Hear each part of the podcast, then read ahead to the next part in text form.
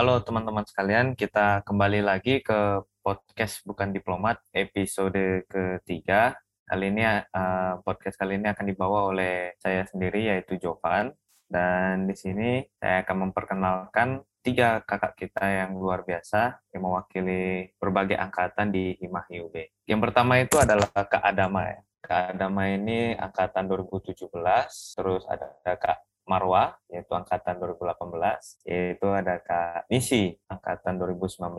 Kak Adama gimana nih kabarnya Kak? Sehat Kak? Alhamdulillah, baik. Sehat juga. Jovan gimana kabarnya? Alhamdulillah, baik juga Kak. Kak Marwa gimana nih? Halo, baik, baik, baik. Oke. Dengar-dengar Kak Marwa dan Kak Adama nih di Malang ya nih? Iya dong. Iya, kebetulan lagi di Malang. Oke. Kalau Kak Nisi gimana kabarnya Kak? Halo, aku baik juga. Oke, Kak Ningsi lagi domisili di mana nih Kak? Uh, aku di Toba, di Sumatera Utara. Oh, tuh. Ini Sumut ya? Saya dari Medan. Oh iya Kak Adam. Seru banget. Oh iya. By the way, aku juga asalnya dari sana. Baru kemarin deh ke sana main. Oh ya? Jawaban dari mana asalnya? Dari Medan juga Kak. Oh.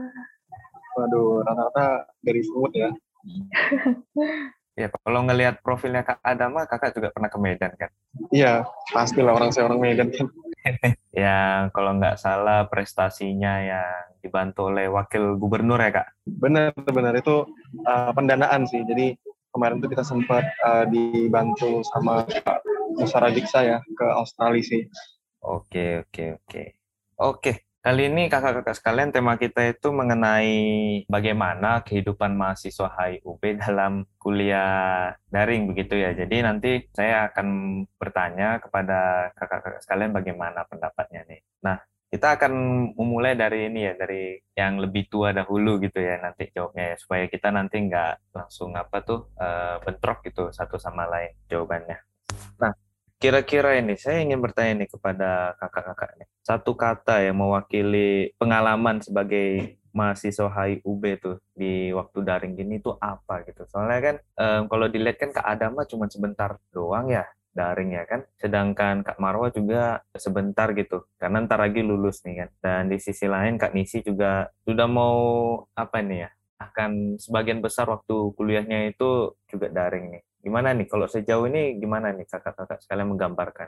Kalau dari saya sih ya satu kata untuk menggambarkan kuliah daring terutama buat saya yang terakhir itu mungkin kena mental sih karena saya itu kan kebetulan ya uh, lagi skripsi ya proses skripsinya itu yang benar-benar terganggu kayak gitu. Oke, Kak Marwa sendiri? Um, aku ngerasanya adaptasi sih. Jadi kayak Ya bener sih emang nggak gampang gitu kayak ini situasi yang masih ada di dalam tahap adaptasi. Dan pasti apa ya metodenya juga mungkin masih banyak kekurangannya gitu kan. Tapi karena ini kan menurutku ya kayak bentuk uh, problem solving karena adanya COVID juga kan. Dan juga pasti ada masalahnya di dalam selama kuliah daring ini. Tapi juga uh, apa ya dari masalah-masalah itu juga ya bisa kita cari tahu gitu apa aja penyebabnya dan segala macamnya. Jadi bisa terus diimprove biar lebih efektif juga gitu. Tapi aku ngerasanya so far um, bisa adaptasi sih gitu. Emang agak susah di awal cuma lama-lama kebiasa aja gitu. Ya kalau kita membahasnya lebih dalam ya kalau metodenya kenapa belum terlalu bagus kan itu wajar lah ya kak ya karena masih awal gitu. Cuman saya tertarik nih dengan kata adaptasi ini. Kak Marwa kan itu dari 2018 ya. Dan iya. itu kan hitungannya kan kak kayak sebagian besar kan waktu kuliah kakak itu udah sempat luring gitu ya. Kok, kok masih bisa itu kak adaptasi gitu? Maksudnya gimana caranya kita beradaptasi secepat gitu? Gimana kak? Hmm, sebenarnya karena di awal tuh mau nggak mau nggak sih, karena kan ya kita mau gimana, maksudnya aku juga pinginnya ya terus bisa belajar kan. Jadi satu caranya emang mau nggak mau harus berusaha buat ikutin uh, cara kuliah daring ini gitu. Uh, mungkin di awal aku sih ngerasa beberapa tantangannya itu mungkin awalnya kayak kurang bisa fokus. Terus yang kedua waktu kuliahnya kadang aku ngerasa terlalu singkat karena kan kita di waktu kayak cuma 40 menit atau satu jam maksimal gitu kan. Terus yang ketiga kayak aku ngerasa kurang kesempatan buat berdiskusi juga. Kalau ketemu langsung kan sebelum kelas kita bisa diskusi banyak, bahkan setelah kelas juga. Tapi aku ngerasa ya kita juga nggak bisa nyalahin keadaan gitu ya. Keadaannya kan emang kayak gini gitu dan uh, dari pihak dosen dan mahasiswa juga pasti maunya ya sama-sama ngelakuin yang terbaik kan. Jadi aku ngerasanya itu ya udah apa sih yang bisa kita lakuin biar uh, kita tuh bisa nyelesain masalah ini gitu. Karena aku tahu kalau misalnya aku terus nyalahin keadaan ya pasti bakal apa negatively impact ke nilai aku, ke pembelajaran aku dan yang lainnya gitu. Jadi ya aku ngerasa aku selama ini mencoba buat manfaatin semua resource yang ada gitu. Dari dosen kan pasti ngasih banyak bahan bacaan dan di uh, matkul-matkul tertentu yang aku ngerasa susah, aku pasti coba buat apa ya bikin review dulu sebelum kelas misalnya atau mungkin aku uh, tanya-tanya cutting soal catatan atau materi, aku ajak diskusi cutting kalau emang butuh kayak gitu sih. Tapi ya balik lagi ini kan apa namanya point of view dari aku sendiri ya dan semua orang pasti punya caranya masing-masing buat nge-cope hal itu kayak gitu sih kalau dari aku. Ya ini di sini bisa nih kita nilai kalau Kak Marwa ini ambisius banget nih makanya bisa jadi apa nih mawapres favorit ya? Enggak mawapres uh, tiga visip.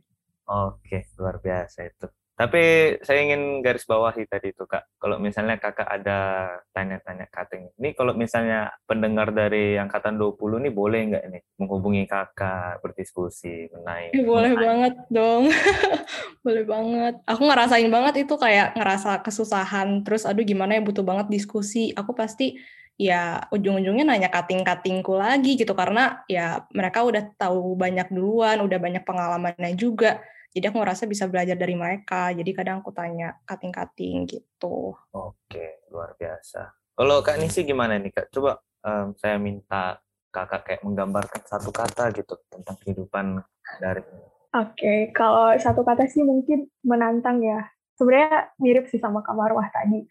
Karena ini perubahan yang tiba-tiba gitu buat aku.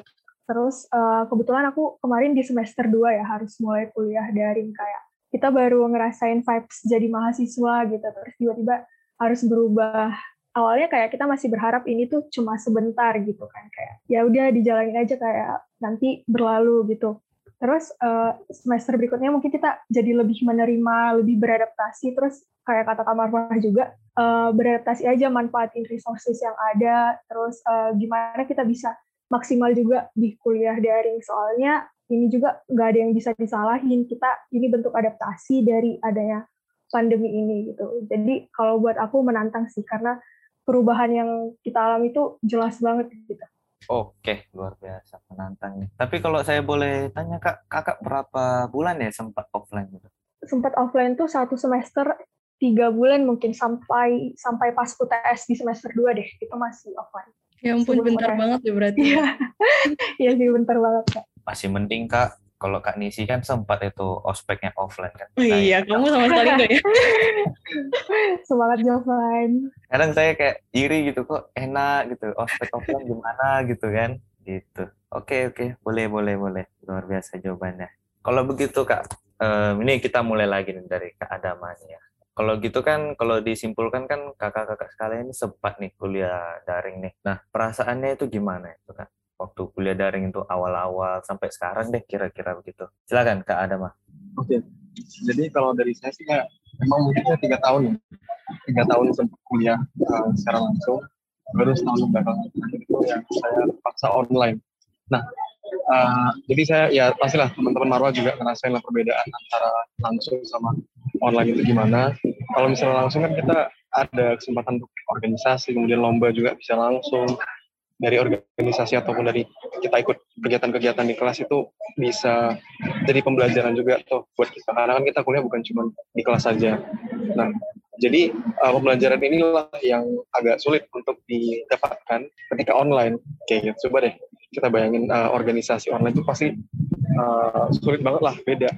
Apalagi kan yang namanya mahasiswa itu nggak punya kewajiban ya untuk ikut organisasi yang wajibnya ya cuma di kelas saja jadi ketika online begini tingkat kejenuhan mahasiswa itu jadi semakin tinggi apalagi yang dihadapi cuma laptop smartphone itu itu aja berjam-jam jadi ya terkadang jadi nggak semangat untuk organisasi itu sih yang saya uh, lihat perbedaannya ya, selama uh, kuliah langsung sama kuliah online Betul, betul. Uh, gini, saya sedikit cerita nih ya, Kak Adama ya. Saya dulu ada, kalau dulu kan semester pertama kan kita di ada kelas gitu ya kan, A, B, C, D gitu ya kan. Nah, saya itu kelas D. Dan saya itu punya circle tersendiri lah begitu ya. Nah, sampai sekarang ada juga tuh Kak yang sampai sekarang tuh nggak pengen berorganisasi gitu. Karena ya itu tadi, alasannya itu ya online gitu. Katanya nanti pengalamannya nggak akan terlalu terasa begitu. Ya, boleh sih gitu. Kadang saya agak ngerasa apa ya, menyayangkan banget gitu loh. Ya mungkin memang betul online, cuman kan masa iya kesempatan organisasi um, disia-siakan gitu kan. Apalagi kalau kalau setahu saya tahun ketiga empat itu udah nggak relevan ya kalau organisasi dalam kampus lagi gitu ya. Ya begitu. Benar benar. Kalau tahun ketiga itu biasanya sih udah udah jadi pejabat kampus ya, udah jadi kayak SPM atau menteri-menteri mungkin sih di tahun ketiga. Tahun keempat baru kita fokus ke skripsi atau mungkin kehidupan pasca kampus. Oke, oke, oke. Kalau Kak Marwah gimana nih Kak? Kuliah daring itu perasaan Kakak gimana itu? mulai dari ya pertengahan mungkin pertengahan waktu kuliah sampai sekarang gitu. Iya iya.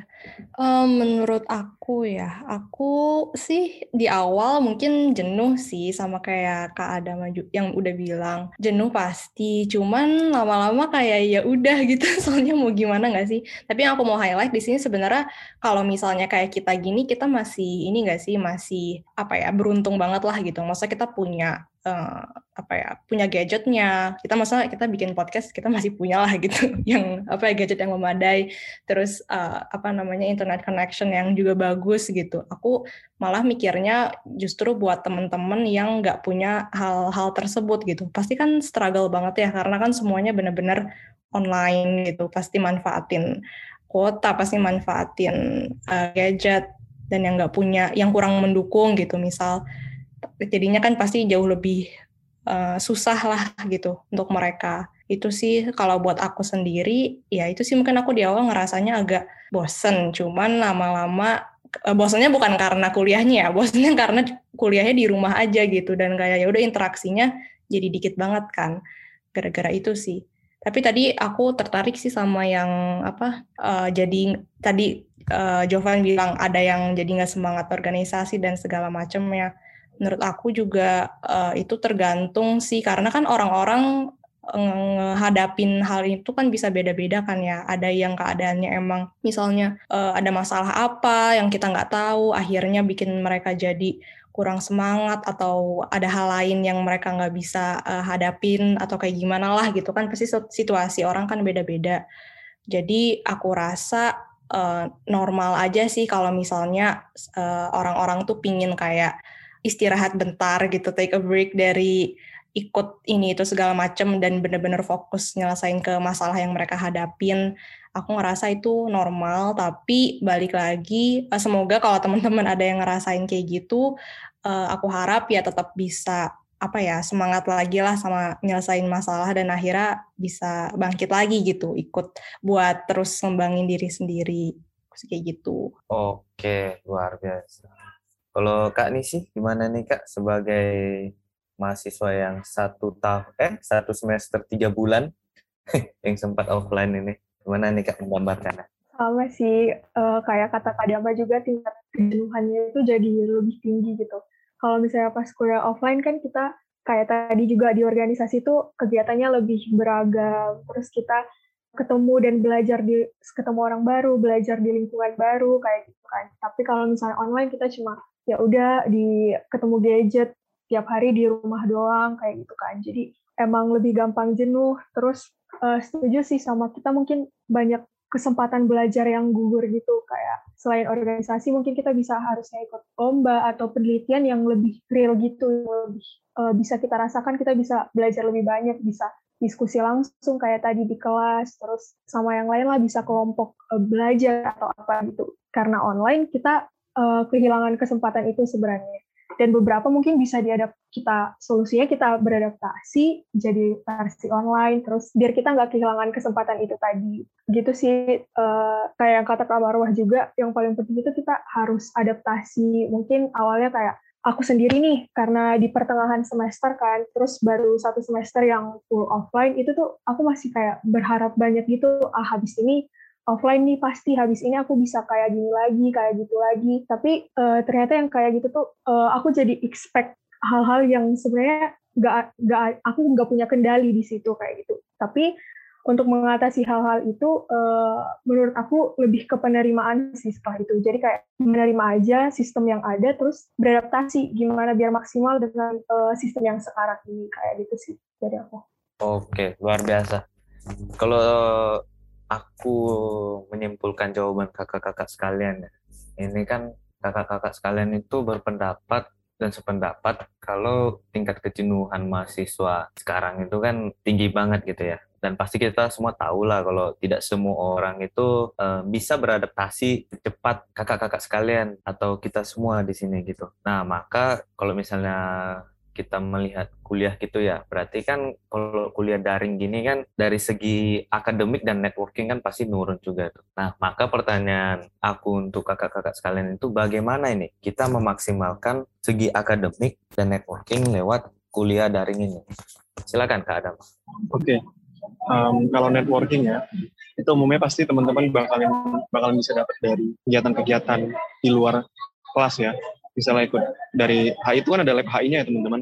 Biasanya dari lab HI itu selalu ngundang pemateri-pemateri yang skalanya ada yang nasional, bahkan ada yang internasional. Nah, teman-teman bisa ikut ke situ, ke kegiatan-kegiatan dari lab HI. Bukan cuma jadi peserta. Kalau peserta bisa sih, kita bisa dapat networking juga. Cuman lebih bagus lagi kalau misalnya teman-teman benar-benar aktif menjadi bagian dari uh, organisasi tersebut.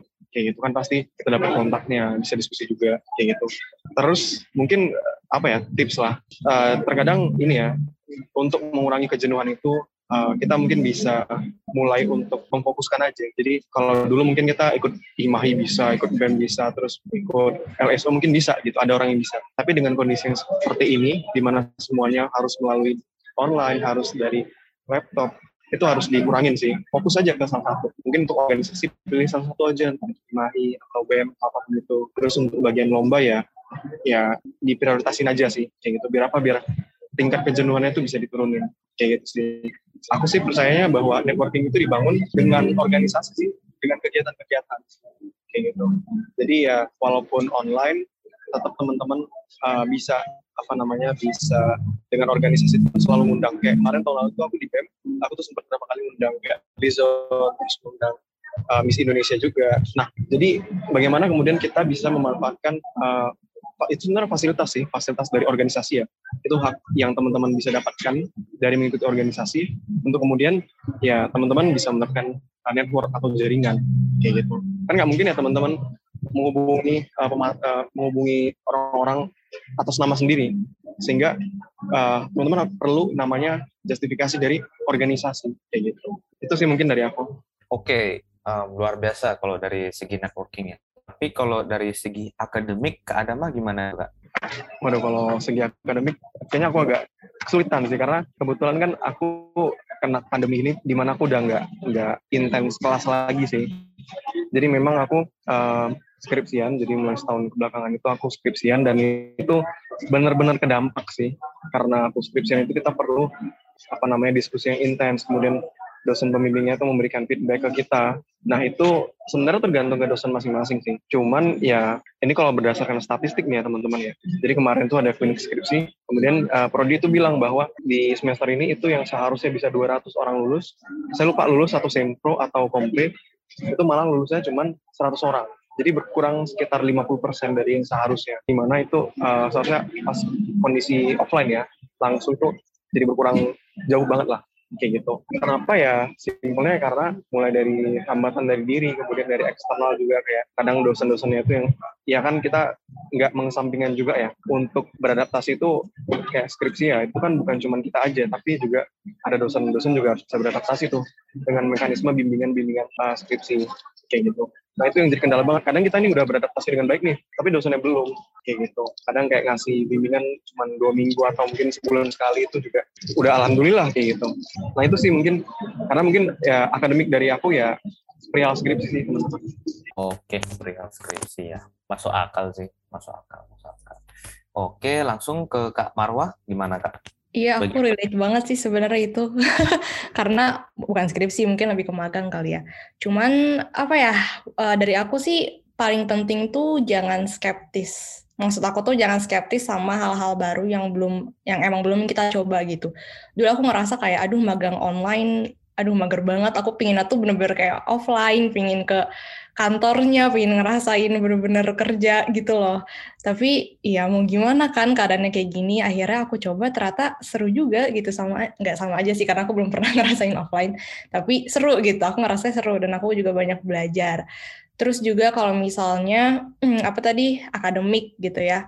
Akademik um, sebenarnya aku awalnya banget tuh kayak aku kayaknya nggak akan pernah demo ikut-ikut online course dan segala macamnya. Tapi ujung-ujungnya aku ikut juga gitu loh. Aku nyoba. Kalau kalian tahu ada uh, edX, edX itu tahu lah ya pasti itu platform yang apa namanya nyediain banyak online courses dan dia itu kerjasama sama berbagai uh, univ dari Harvard, terus MIT, pokoknya banyak banget.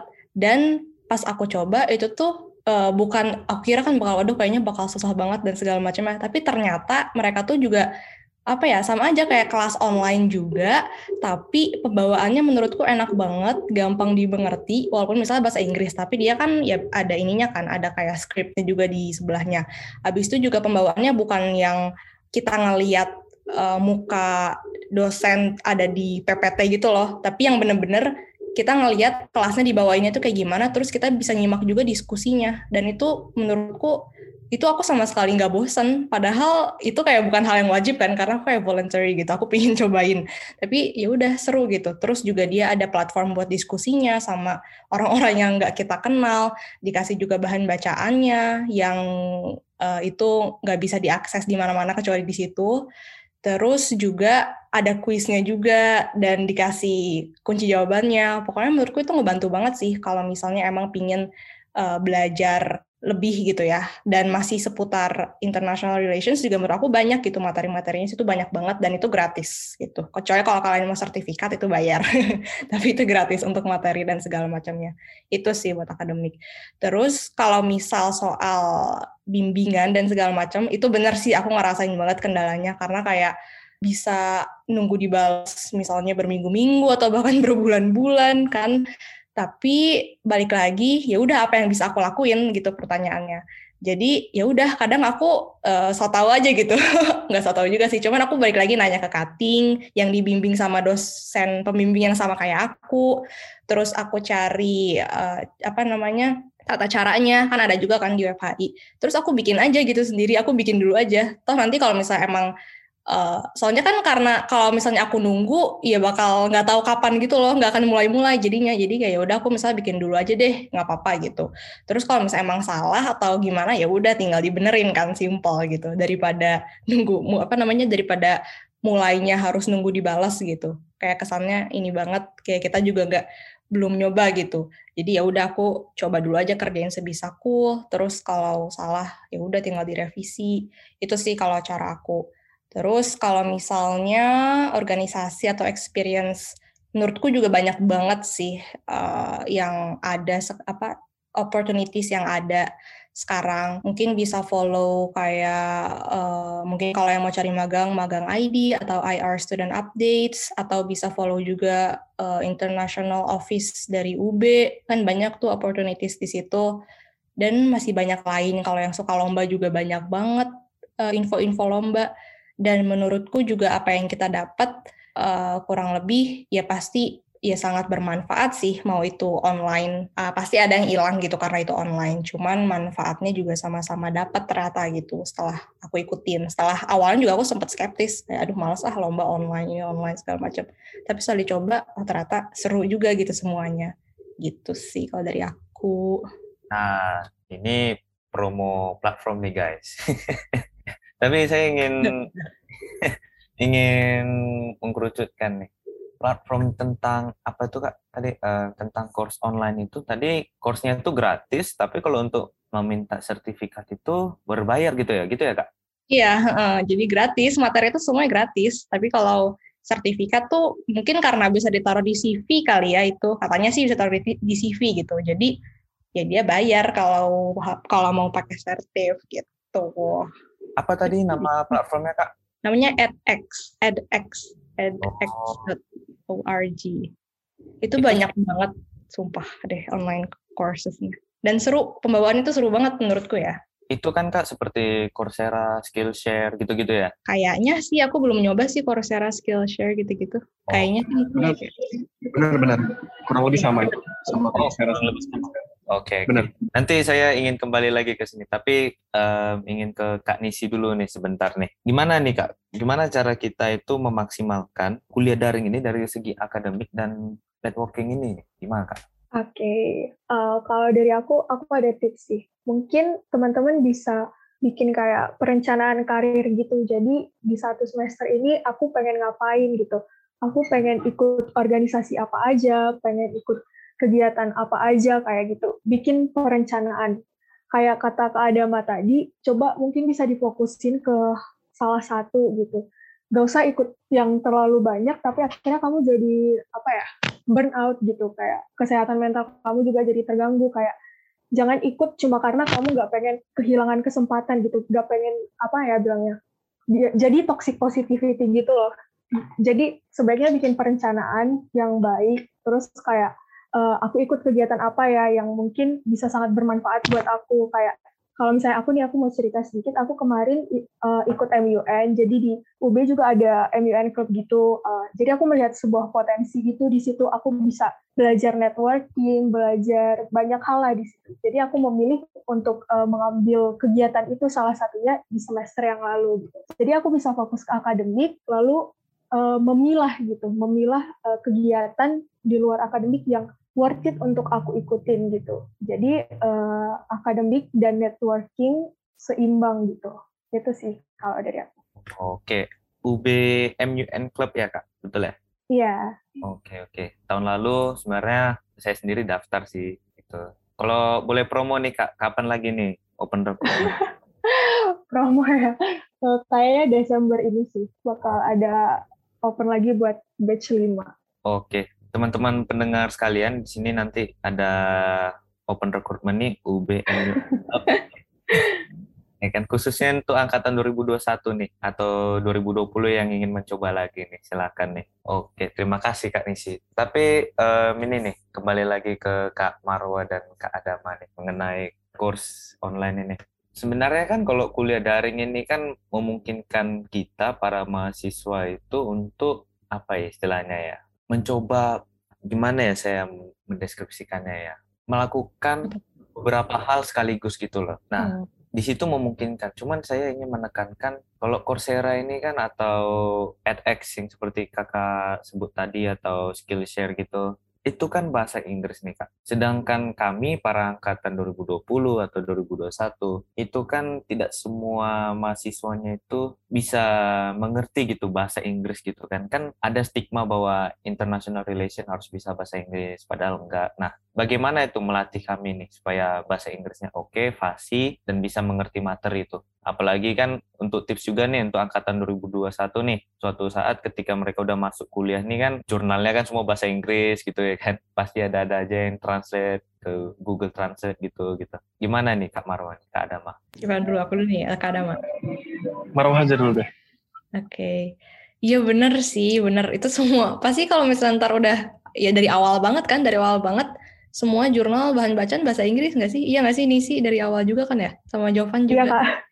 Iya kan, dari awal bahasa Iya. Inggris. Dan emang waktu itu juga, ya sih, sempat beberapa temanku juga bilang, oh iya nih nggak ngerti bahasa Inggris, terus bahasa Inggrisnya yang berat, ya nggak sih? Kayak bukan bahasa Inggris yang daily, tapi kayak bahasanya banyak big words. Tapi malah menurutku, eh, online course-nya ngebantu sih, karena dia juga bukan yang sepenuhnya bahasa Inggris yang berat, tapi kayak eh, kita masih bisa ngerti kalau kita ngedengerin eh, secara full sentence-nya gitu. Dan ada nggak kosakata yang aku sama sekali nggak ngerti? Banyak, jujur banyak banget yang aku nggak ngerti. Cuman ya udah tinggal aku catat apa aja, terus aku cari. Jadi malah na- justru nambah eh, vocab kan, kayak gitu. Dan eh, iya menurut aku itu malah ngebantu sih kalau buat eh, ningkatin kemampuan berbahasa Inggris. Kecuali kalau misal beda lagi ceritanya kalau emang yang bener-bener dari nol banget bahasa Inggrisnya, mungkin emang ak- apa ya agak susah sih pasti kalau langsung ikut online course-nya. Mungkin bisa dilatih dulu bahasa Inggrisnya secara terpisah, baru eh, ngelanjutin apa ya praktisnya lewat situ. Kayak gitu sih kalau menurutku. Kak Adama gimana? Oke, kalau dari saya sih ya, teman-teman kan perihal bahasa. Jadi untuk setelah kita paham, kita harus latihan juga sih. Jadi aku setuju sama yang Marwah bilang. Kalau aku juga kayak gitu pas awal, awal baca jurnal itu aku di sebelahnya tuh aku uh, sediain Google Translate gitu karena banyak banget bahasa-bahasa yang aku masih belum paham. Gitu, bahasa-bahasa akademik loh ya kan ini kan bukan cuma uh, conversation sehari-hari gitu tapi ada juga bahasa-bahasa akademik yang kita belum paham. Jadi ya kadang aku tuh aku highlight terus aku cari gitu di Google Translate baru aku catat di di ini di catatan aku kayak gitu. Ya itu kalau misalnya aku rajin kadang udah aku uh, udah aku cari ya aku inget-inget aja gitu. Itu sih sama terkadang nih ya kan ini perihal bacaan nih uh, jurnal juga. Uh, teman-teman jangan cuma membaca saja ya tapi juga sebisa mungkin ya menulis nih misalnya kayak uh, kadang mungkin tugas-tugas dari kampus ya. Kalau misalnya boleh coba aja tulis pakai bahasa Inggris. Kayak gitu karena itu akan membentuk uh, mindset karena dalam menulis itu kita perlu mindset loh ya teman-teman. Perlu mindset yang harus dibangun dan itu perlu latihan. Jadi nggak bisa sembarangan kita apa namanya belum pernah belajar nulis langsung bisa nulis jago gitu. Jadi harus dilatih. Kayak gitu sih dari aku. Jadi ya setelah dibaca dicari uh, translatannya artinya coba dipraktekin ditulis tulis dengan sesuai dengan kaidah-kaidah ilmuwan kayak gitu sih dari aku oke oke luar biasa mungkin kak Nisi ingin menambahkan kali kak mengenai bahasa Inggris bahasa Inggris ini kak oh oke okay. thank you Jovan uh, kalau soal bahasa sih sebenarnya aku yakin ya um, yang masuk di IUB itu pasti bukan yang mulai dari nol lagi. Pasti kalian udah punya kemampuan lah di bahasa Inggris setidaknya gitu. Jadi kayak kata Kak Marwah juga, justru jadiin aja course ini buat belajar gitu. Jangan kayak, ah aku nggak bisa bahasa Inggris, nggak usah ikut deh gitu. Mungkin kamu justru bisa jadi belajar dan meningkatkan kemampuan kamu itu lewat course ini. Aku mau share sedikit soal uh, online course juga. Jadi uh, pas libur kemarin itu, aku ikut summer course di UVA di Amsterdam tapi ini emang bayar sih. Jadi uh, buat teman-teman juga mungkin kalian bisa bikin proposal terus diajuin ke apa uh, ke perusahaan atau apalah yang mungkin bisa menerima proposal kalian buat ikut course gitu juga. Jadi aku ikut summer course di itu sih di sponsorin sama corporate. Terus uh, di course ini kebetulan kan dia di Amsterdam ya di Europe. Jadi banyak orang yang emang first language-nya itu bukan bahasa Inggris kayak gitu. Dan uh, aku rasa mereka jadi kayak lebih menjelaskannya itu lebih mudah dimengerti gitu loh. Mereka bikinnya gimana orang-orang yang mungkin bukan yang jago banget bahasa Inggris tuh bisa paham gitu. Jadi ada course yang kita ketemunya live, terus ada mereka ngasih recording juga, mereka kasih uh, bahan bacaan, ngasih kuis, terus kita selalu ada diskusi, ada yang diskusinya live lewat Zoom, ada juga diskusinya yang uh, kayak lewat aplikasi sejenis Google Classroom gitu, tapi punyanya mereka sendiri. Jadi kayak sebelum kelas kita bisa diskusi atau setelah kelas juga kita bisa diskusi atau kalau misalnya kamu tiba-tiba punya apa ya pemikiran nih soal course ini ada yang mau ditanyain boleh gitu ditanya di situ. Jadi uh, yang mau aku bilang tuh di online ini pun kita punya banyak kesempatan yang kayak gitu yang course online itu dimanfaatin aja biar pastiin aja kamu belajar gitu di situ. Jadi nggak yang harus udah jago baru bisa masuk ke tahap ini kayak gitu. Aku harus hebat dulu baru bisa lanjut ke tahap ini gitu. Uh, menurut aku nggak apa-apa coba aja apa yang kamu bisa apa yang kamu mau terus pastiin kamu belajar di setiap jalan yang kamu jalani gitu Oke, luar biasa. Di mana ada niat, di situ ada jalan, gitu ya Kak Nisi ya. oke, oke, oke. Nah, tapi saya ini ingin menarik nih. Saya ingin tarik mundur dulu nih maksudnya nih. Maksudnya tarik mundur itu saya ingin kakak-kakak ini mengingat kembali nih ya kan. Saya ingin bertanya ini, apa hal positif yang bisa dirasakan itu waktu kuliah daring, eh sorry, kuliah luring waktu offline gitu tapi tidak bisa di tidak ada di kuliah daring gitu. Maksudnya pengalaman serunya yang tak terlupakan gitu atau apa ya, ya intinya tidak jauh dari pengalaman serunya deh kak. Yang kuliah luring ada tapi daring tak ada gitu. Yang paling berbekas di ingatan kakak-kakak sekalian gitu. Apa itu kak Adama? Oke, okay. Kalau dari saya sih ya, pertama adalah intensitas kerja. Jadi kalau misalnya kita uh, offline ya, langsung ya, itu mungkin aku bisa ikut banyak organisasi, bisa ikut banyak panitiaan sampai malam, terus bisa bareng dengan lomba juga. Jadi manajemen waktu kita kita padatin dan itu beragam itu juga masih bisa. Kenapa? Karena kita bertemu dengan banyak sekali orang. Kita kan manusia sebagai makhluk sosial ya, sehingga kita uh, bersosialisasi sama orang itu membuat kita senang, seru aja gitu.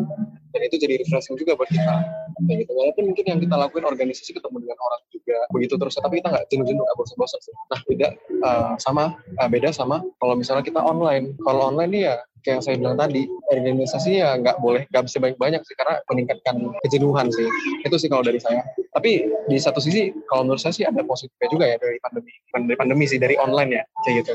Positifnya adalah itu menghilangkan barrier ruang dan waktu ya pada bahasannya. Uh, barrier ruang dan waktu itu kayak yang Marwa bilang jadi kita bisa ikut ke kelas-kelas. Mungkin kelasnya itu ada di kayak tadi ada di Amsterdam. Nah mungkin selama ini ketika langsung kita belum pernah ada yang semacam begitu ada cuman uh, belum nyampe lah ke Indonesia. Tapi kalau misalnya sekarang itu sudah terbuka semuanya. Kayak gitu. Saya ngerasain banget tuh. Kadang mau ikut materi mungkin ada seminar-seminar tapi seminarnya di Jakarta atau mungkin di Semarang. Ada pemateri yang bagus-bagus. Nah ya itu kan kita terkendala dengan jarak terkendala dengan ruang.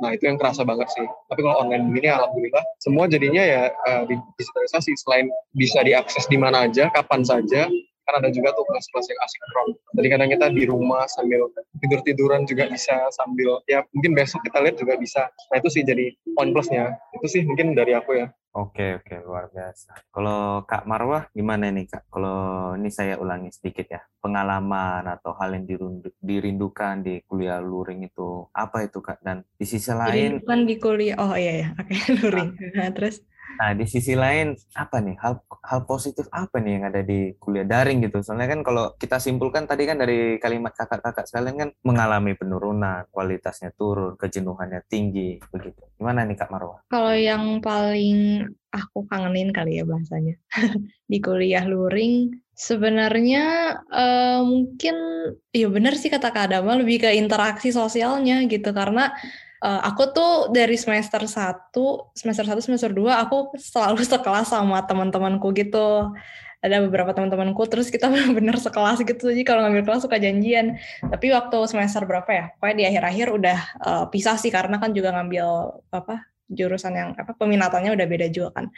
Nah, yang ya itu sih yang paling kangenin sebenarnya justru kayak uh, di awal sebelum kelas kita masih ada ngobrol-ngobrol dulu. Kalau sekarang kan nggak bisa ya.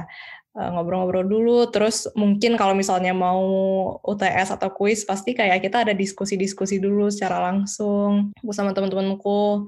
Aku ada sih satu teman yang aku selalu kayak uh, belajar bareng dia gitu kalau misalnya mau kuis kalau misalnya mau UTS UAS jadi kayak sering diskusi. Aku kangen itunya sih sebenarnya. Terus kalau semisal yang apa tadi? Nggak ada di daring ya apa positif positifnya di daring ya. Sebenarnya kalau di selama online ini yang bisa aku pelajarin banget tuh buat selalu cari solusi sih. Maksudnya dari banyaknya tantangan yang ada gitu ya. Pasti kayak bener-bener aduh gimana nih caranya yang penting harus bisa ini, yang penting harus bisa ini ini ini kayak gitu loh. Jadi kayak bener-bener ya udah uh, apa ya lebih mencobalah gitu buat nyari solusinya. Tapi kalau soal organisasi aku ngerasanya kalau selama luring ini aku masih hibrid sih. Jadi itu pelajaran yang aku dapetin banget juga selama luring ini. Jadi kan organisasi aku kan kemarin ikut di EFL ya Indonesia Future Leaders di Malang. Nah itu semuanya itu dari offline kita benar-benar harus shift ke online gitu. Dan itu benar-benar kayak bisa empat kali ganti plan uh, ya lebih lebih lah malah hampir apa hamin seminggu misal hamin seminggu acara kita harus ganti plan kayak gitu-gitu. Aku ngerasa benar-benar uh, harus agile banget lah gitu. Harus beradaptasi dengan cepat gitu biar bisa uh, nyelesain masalah-masalahnya. Jadi banyak banget juga pelajaran yang aku dapetin gitu. Dan ternyata kalau misalnya kita mau dan uh, berusaha buat nyari cara sebenarnya solusinya selalu ada sih gitu despite kekurangannya gitu. Tapi selalu ada ujungnya. Itu sih kalau dari aku Menurut Kak Nisi gimana nih Kak? Oke, okay, kalau aku sama sih sama Kak Adama, Kak Marwah juga yang paling dikangenin itu yaitu interaksi sama orang-orang gitu. Ya sebenarnya baru kuliah satu semester sih offline, tapi setidaknya kayak aku tahu gitu rasanya ketemu teman-teman di kampus, rasanya bisa diskusi di kelas, kayak tadi juga bisa nongkrong sama teman-teman gitu. Sekarang udah pada balik ke rumah masing-masing, terus kayak kita ada di kota yang berbeda gitu. Interaksinya udah nggak bisa lagi gitu langsung. Terus pas kuliah offline yang mungkin cuma satu semester itu kayak kita ketemu banyak kegiatan yang variatif gitu. Kalau misalnya di, sudah diadaptasikan ke online, itu kita mengikuti banyak kegiatan tapi rasanya kayak gitu-gitu aja. Sementara pas offline uh, menarik nih kegiatannya ada macam-macam gitu. Kita bisa ikut apa aja yang gimana yang kita suka. Itu sih kalau yang ada di offline yang paling dikangenin sama aku. Terus kalau misalnya ngomongin yang positif dari online itu, ya kayak kata Kak Adama tadi, kita bisa itu sih mendapatkan kesempatan yang mungkin kita nggak dapetin pas uh, offline gitu, karena terkendala jarak atau waktunya gitu. Itu sih. Oke, oke luar biasa ini. Oke deh, karena waktu sudah mau dekat nih ya. Aku ingin bertanya nih kepada kakak-kakak nih. Kalau misalnya nih, terlepas dari corona ini ya, atau pandemi ini, atau kebijakan pemerintah ini, dikasih pilihan ke masing-masing nih, mau kuliah daring atau luring nih, dan kenapa gitu, kenapa nih? Gimana Kak Adama? Oke, okay. uh, mungkin aku jelasin dari versi mahasiswa semester akhir ya. Jadi kayak uh, kenapa kemudian mahasiswa skripsi itu lebih lebih enak jauh lebih banget lebih enak uh, secara langsung. Uh, karena uh, proses bimbingan kita itu loh teman-teman. Jadi uh, aku juga sempat nanya nih tingkat-tingkatin ya uh, kan saya ke tingkat-tingkat aku kan angkatan 16 angkatan 15 itu mereka semuanya offline gitu. Nggak ada di atas aku nggak yang daring gitu Nah, uh, jadi mereka bilang sama dibimbing sama ibu ini nih, itu kita rutin tuh selama seminggu ke di ke kubikelnya, ke ruangannya. Nah, itu yang aku nggak rasain sama sekali ketika aku kuliah secara daring teman-teman. Jadi mulai dari karena kan kalau kalau kuliah sama bimbingan kan beda ya. Kalau kuliah teman-teman punya jadwal rutin, misalnya kayak seminggu sekali. Kalau bimbingan, skripsi nih, itu nggak ada jadwal rutin kan teman-teman. Itu benar-benar terserah dari dosen. Nah kalau misalnya dosennya itu ya, ya mohon maaf nih ya, mungkin agak sangat-sangat terdampak nih dengan kondisi pandemi ini ya, ya mau nggak mau kita terpaksa menyesuaikan ke agenda beliau. Nah itu biasanya sih umumnya bukan yang makin cepat, tapi malah makin lama. Kayak gitu. Jadi yang mungkin seminggu sekali jadi dua minggu atau mungkin tiga minggu sekali. Kayak gitu sih. Jadi ya dari point of view sebagai mahasiswa terakhir jauh lebih uh, enak secara langsung sih. Tapi nih, aku juga ada dapat insight nih dari teman-teman aku yang udah lulus nih, udah ujian. Mereka bilang nih kalau misalnya uh, ujian nih kayak sidang itu lebih bagus online. Jadi nggak tahu ya mungkin karena karena bisa banyak alasan ya mungkin nanti tiba-tiba ada jaringannya lah. Uh, lebih percaya diri sih mungkin di rumah ya. Nah itu itu mungkin sisi uh, positif ya. Cuman ya saya khawatir nanti kalau misalnya kayak skripsi kita di standarnya itu di, di, diturunkan, takutnya nanti lulusan dari HIUB ya uh, kualitasnya juga turun juga kayak gitu. Jadi ya jadi PR banget sih gimana caranya dengan kondisi online begini kita tetap bisa lulus tepat waktu dengan kualitas yang sama juga dan bahkan lebih baik kayak gitu sih dari aku. Oke. Oke, boleh, boleh. Kalau Kak Marwan nih, mau pilih apa nih Kak? luring atau daring nih? Kalau keadaannya COVID gini? Terlepas dari COVID ini, Kak. Ini kan oh, terlepas dari COVID ini. Ya, tadi kan Kak Marwa kan sudah menceritakan ada pengalaman yang tak terlupakan, ada pengalaman yang sangat diingat gitu ketika luring gitu kan. Di sisi lain ada hal juga positif dari daring gitu. Kalau misalnya Kakak diberi pilihan nih, mau pilih yang mana nih, Kak? Kalau ya ini despite uh, pandeminya ya, kalau nggak ada COVID gitu kan kalau nggak ada covid ya jelas dari eh jelas luring gak sih? Jelas luring. Berarti tadi aku setuju deh sama uh, apa Nisi soal apa ya kalau misalnya ikut kayak course atau mungkin MUN segala macam itu tuh ada satu hal yang benar-benar nggak didapetin di luring. Kayak eh di daring sorry di daring. Eh di luring ya benar kalau misalnya apa namanya kalau misalnya kita ikut MUN atau apa pun itu daring itu kayak kita nggak dapat experience apa ya mempelajari kotanya negaranya gitu loh jalan-jalannya. Itu sih yang benar-benar di ini ya, dikangenin. Tapi ya eh, terlepas dari itu kalau misalnya nggak ada covid ya pasti luring sih. Cuma aku ketukar deh luring sama daring kayak online offline deh lebih enak. Aku pilih offline. Wah jelas pasti banget. Apalagi di Malang. Malang tuh enak banget ya kotanya. Itu sih betul betul betul. Uh, ya, kemarin aku juga sempat perantau di Malang walaupun cuma 2-3 bulan. Oh demi apa? Waktu awal belum kuliah berarti? Bukan, waktu bulan kemarin bulan April Juni gitu. April Juni eh April Mei Juni gitu di sana. Dan Main di sana juga. Ya hanya ambil jas almet juga Kak. Tapi ya oh, almet. Tapi ya almet. di di sana itu tiga bulan dan di sana betul-betul long banget gitu. Iya kan enak banget kan Malang itu bener-bener nyaman banget loh menurutku. Di kiri di kanan ada tempat ngopi gitu. Iya penuh banget jadi kayak enak banget deh dan udaranya juga sejuk gitu loh jadi dari Malang tuh the best banget emang menurutku ya enak banget. kotanya.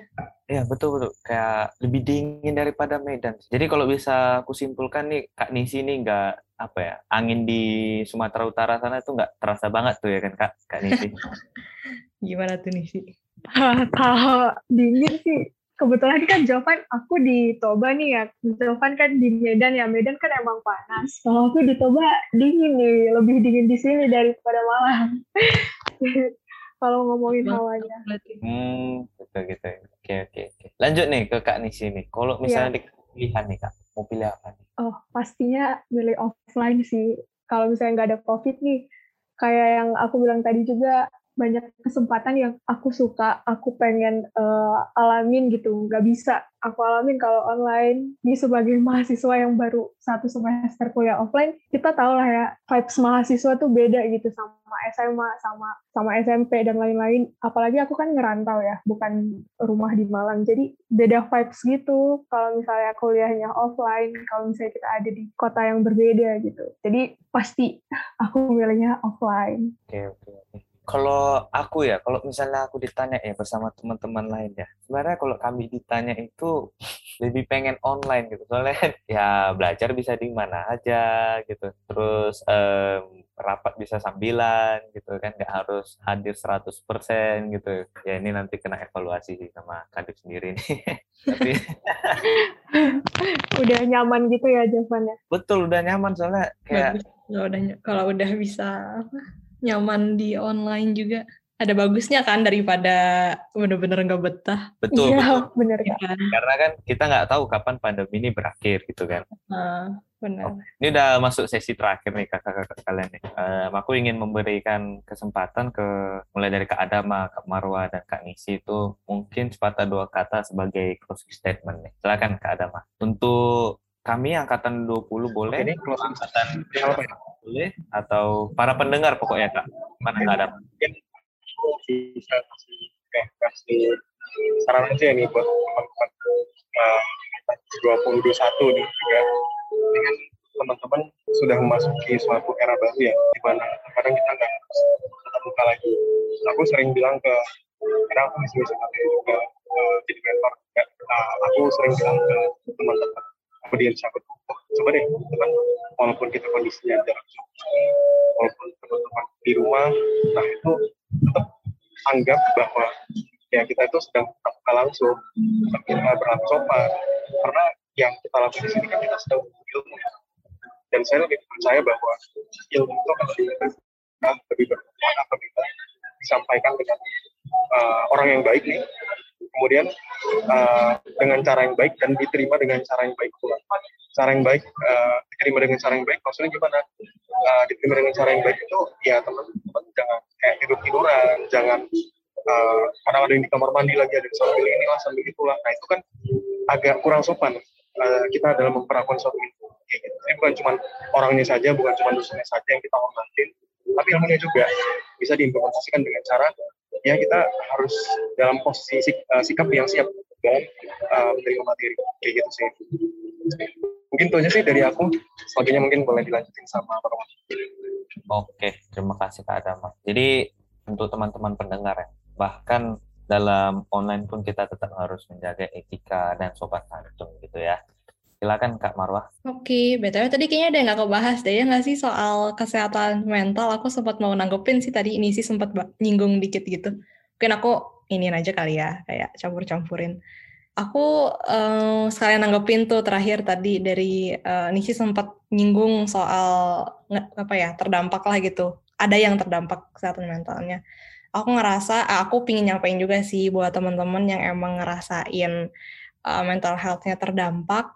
Uh, menurutku step pertama itu coba di apa ya apa acknowledge your feelings aja gitu. Jadi aku ngerasa sebenarnya perasaan-perasaan tuh ya kayak pelindung buat tubuh kita gitu loh. Jadi kalau misalnya emang teman-teman ada yang ngerasa stres gitu atau semacamnya itu itu tuh ya cara tubuh kamu untuk nyampein apa yang harus kamu lakuin gitu loh. Jadi jangan denial jangan kayak ngerasa ah ya udahlah eh, nggak uh, apa-apa. Terus kayak langsung sampai tadi kata Nisi bilang burn out gitu kan. Justru malah menurutku ya udah kalau misalnya memang stres berarti itu cara tubuh kamu ngasih tahu kalau kamu tuh ya udah butuh istirahat dulu bentar kayak gitu. Tapi bukan berarti jadi justifikasi nggak ngerjain, nggak belajar, nggak ngerjain apa-apa ya. Maksudku berarti ya boleh gitu istirahat bentar kayak mungkin beberapa menit atau beberapa jam, tapi habis itu ya lanjutin lagi gitu. Jangan sampai nanti kalian nggak nge-acknowledge feelings itu dan akhirnya jadi numpuk gitu. Ibarat kayak kalau ada yang ngetok ngegedor rumah, eh ngetok-ngetok rumah ngasih tahu ini nih tubuh lo gini gini gini gini. Terus kan nggak ngedengerin kan pasti ujungnya digedor-gedor kan. Kayak gitu. Menurut aku banyak faktornya tuh dari situ sih kenapa mungkin bisa jadi benar-benar jenuh atau bahkan sampai parah banget itu tuh gara-gara itu. Jadi kayak ya udah coba uh, acknowledge your feelings dan coba di uh, dengerin aja gitu. Sebenarnya butuh apa sih tubuh kalian tuh kayak gitu. Jangan sampai jadi parah dan jangan sampai juga jadi bener-bener ngedampak ke akademik juga. Gitu. Gitu udah selesai. Nisi boleh.